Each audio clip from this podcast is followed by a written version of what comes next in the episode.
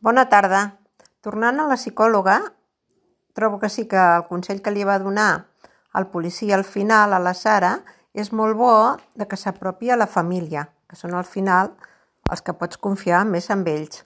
I el que trobo molt divertit és que la, la Sara, aquesta noia, que es queda amb la casa tot i que només ha estat 5 anys amb el, amb el, seu, amb el seu marit, tenia una mala relació, ell al principi ja li fa el salt, dir, al final es queda amb la casa, la ven i li soluciona la vida.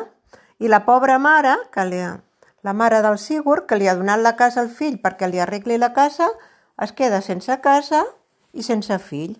Vull dir que al final acaba així bastant, bastant real. Adéu, bona tarda.